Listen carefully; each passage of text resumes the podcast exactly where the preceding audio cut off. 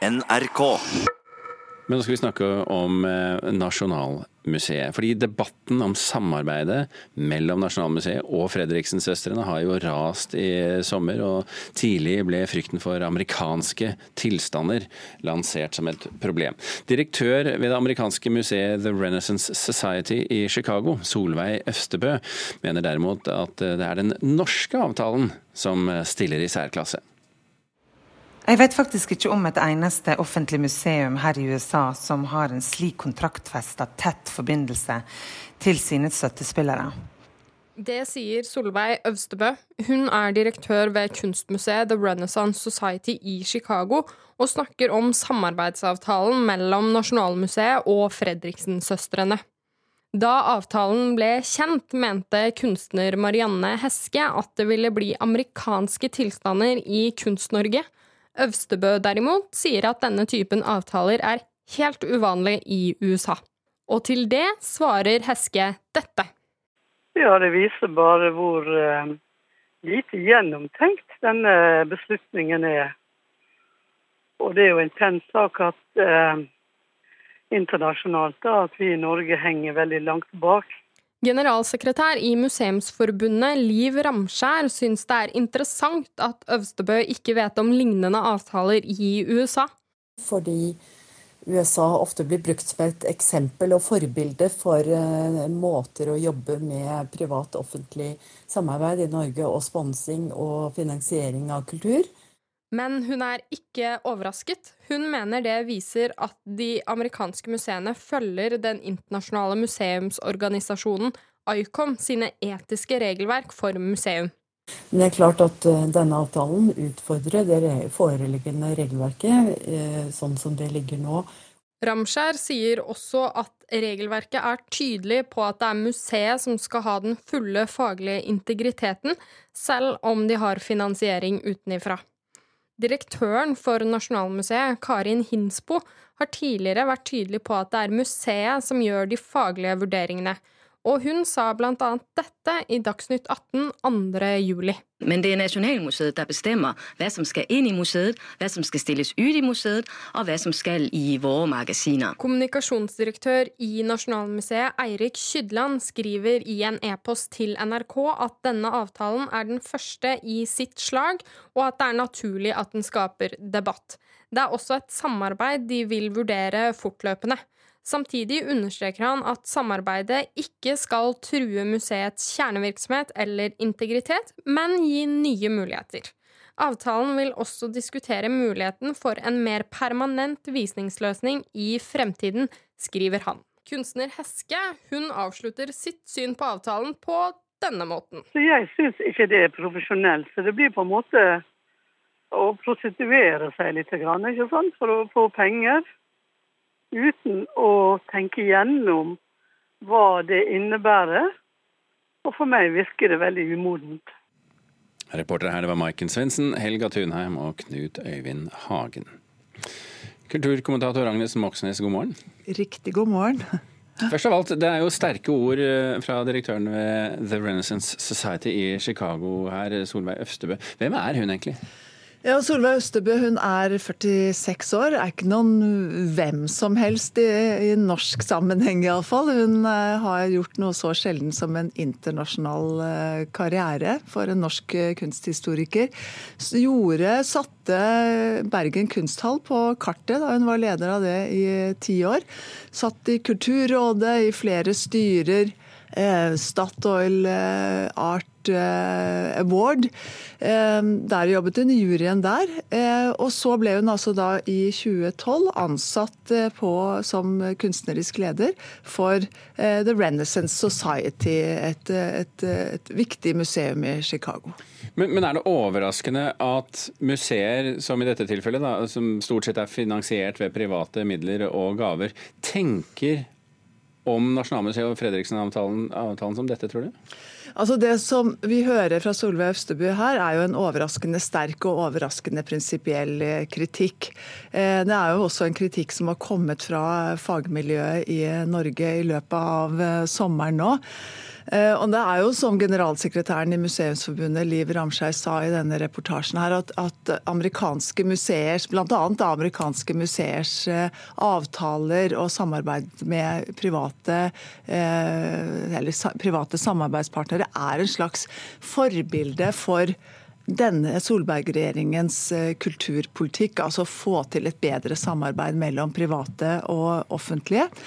Eh, eh, men så hører vi her, da, og det er vel også det kritikken har gått ut på, at selv om målet er bra, altså få de private på banen, eh, så må de avtalene museene inngår, holde mål.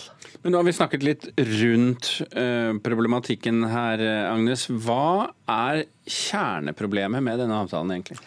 Kjerneproblemet er at selv om Fredriksen-avtalen gir et norsk publikum tilgang på fantastisk kunst, som de antageligvis ellers ikke ville sett, eh, så langt i en begrenset eh, periode, så tolkes altså dette som en avtale som gir private innflytelse over de faglige valgene som museet skal ta. Og det er brudd på de etiske reglene som de fleste offentlige museer i verden eh, forholder seg til. Så den anklagen eller den kritikken som kommer fra Solveig Øvstebø her, er eh, faktisk veldig alvorlig. Nå, nå, har vi jo ikke Trine Skei Grande uh, til oss uh, Vi har ikke fått henne til å svare på akkurat denne kritikken fra Øvstebø, men, men, hvilke signaler har hun sendt? Nei, Signalene fra henne har vært veldig klare. Hun har stilt seg bak museet. Hun syns avtalen er, er, helt fantastisk. Og hun har jo anklaget norske kunstnere og, og fagpersoner for å være livredde for private penger. Og det har vel ført til at, eh, henne, at Trine Skei Grande i sin rolle som kulturminister det siste halvannet året nå for første gang har gått på en virkelig sånn alvorlig konflikt med Kultur-Norge. Mm.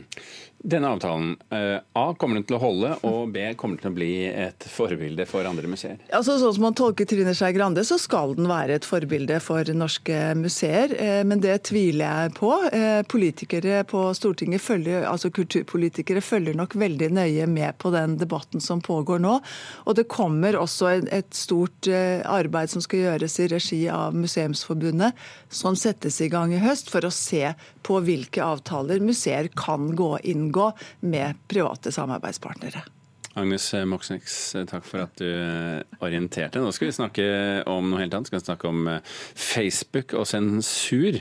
Fordi det er jo mange som har fått med seg enten da på Facebook eller i, i medier som skriver om det, at stortingsrepresentant og tidligere justisminister Per-Willy Amundsen fra Fremskrittspartiet hevder at han er sensurert av Facebook etter at de ifølge ham slettet et innlegg han hadde skrevet. Facebook bekrefter at de fjernet alle innlegg som støtter farlige personer, som det heter. Men de vil ikke kommentere enkeltpersoners eh, innlegg. Og kulturreporter Vibeke Sedekvist, eh, fortell oss først, hva handlet dette, selve dette innlegget om? Det handlet om eh, den britiske islamkritikeren og aktivisten eh, Tommy Robinson. Amundsen har sagt at han mener Robinson bør få asyl i Norge fordi Storbritannia har sviktet ytringsfriheten. Robinson, som er grunnlegger og tidligere leder for den høyreekstreme organisasjonen English Defence League, ble forrige uke dømt til fengsel i ni måneder for å ha utvist forakt for retten, som det heter. Og Ifølge Amundsen så slettet Facebook det aktuelle innlegget eh, fra siden hans eh, fire dager etter at han hadde publisert det. Facebook vil imidlertid eh, ikke da bekrefte at de har slettet innlegget. Men så sier jo Amundsen at han skal ha blitt advart på forhånd om at innlegget ville bli slettet? Ja, Facebook kontaktet Fremskrittspartiets administrasjon og deretter statsministerens kontor kontor før innlegget ble fjernet. Det opplyser SMK. Amundsen sier at Facebook også ringte til han eh, og ba han slette innlegget. Eh, men de slettet det liksom da han ikke ville fjerne det. Eh, og så i går la Amundsen ut et nytt innlegg hvor han hevder at han skulle ha blitt sensurert av Facebook. Han mener ytringsfriheten ikke handler om kun å tillate meninger man liker. Det er de kontroversielle standpunktene som trenger beskyttelse, mener han. Og det ser ikke Facebook ut til å forstå da, i hans øyne. Hva sier Facebook da? Facebook mener at selskapet sletter alle innlegg som støtter personer eller organisasjoner som de selv har pekt ut som farlige. Tommy Robinson er blant dem, men Facebook vil ikke oppgi hvor mange personer eller organisasjoner som er på denne listen. Vibeke Sedekvist, takk for at du orienterte. Nå et eh, komplett sceneskifte. Life's not fair. Is it, my little friend? While some are born to feast, others spend their lives in the dark.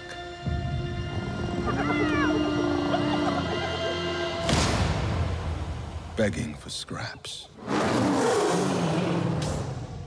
Det var eh, stemmen til eh, Scar fra Disneys nye versjon av 'Løvenes konge', den hittil siste i rekken av nyinnspillinger av gamle tegnefilmer fra Disney. Og denne har eh, premiere på norske kinoer i dag. Marte Hedenstad, filmanmelder her i NRK. Skal vi gå rett på konklusjonen, er det en vellykket nyinnspilling? Det er vellykket visuelt sett. Eh, jeg kaller det et eh, slående mesterverk når det gjelder det visuelle. Eh, fordi det her er ganske banebrytende når det gjelder datagenererte bilder. Men sett bort fra det, så er det også en skuffelse, denne nyinnspillingen. For det er rett og slett en ren blåkopi av den 25 år gamle tegnefilmen. Er det ingen, er det ingen forskjeller, egentlig? Det er, eh, det er, selvfølgelig noen små forskjeller, men det er så likt at det nesten blir parodisk tidvis. Eh, altså, du kan, hvis du er en sånn stor fan av originalen som kan liksom alle replikkene utenat, så vil du stort sett klare å komme deg ganske godt gjennom denne, denne filmen også. Eh, James Earl Jones er jo eh, nok en gang stemmen til Mufasa, og det er jo ingen andre enn han som kunne hatt den stemmen, men eh, det blir nesten litt parodisk når til og med tonefallet i det han sier er det samme som i tegnefilmen. Eh, og det drar meg egentlig litt ut av filmopplevelsen at det blir så likt. Eh, så det er snarere en kopi enn en nyinnspilling, egentlig. Men, men eh, disse dyrene er jo da dataanimerte på en helt ny og, og troverdig måte. Hvordan passer det da inn at de også da snakker? Ja, det er akkurat det som er det store problemet til eh, denne Løvenes konge-versjonen. Um, altså, jeg blir utrolig grepet av hvor flott det her ser ut. Dyrene er så realistiske. Eh, det er virkelig imponerende. Men det passer nesten ikke inn at de snakker. Eh, det blir en, dis en disconnect der med at dyrene er så troverdige og stemmene som kommer ut fra dem. Og de klarer heller ikke å utøve den mimikken eh, som vi trenger eh, for å på en måte oppleve emosjonene som rollefigurene føler på. Når det blir såpass realistisk som det er her, så blir det også en distanse til rollefigurene fordi vi ikke klarer å leve oss helt inn i hva det er de kjenner og føler på. Men det er ikke bare det at de snakker, de eh, synger jo også.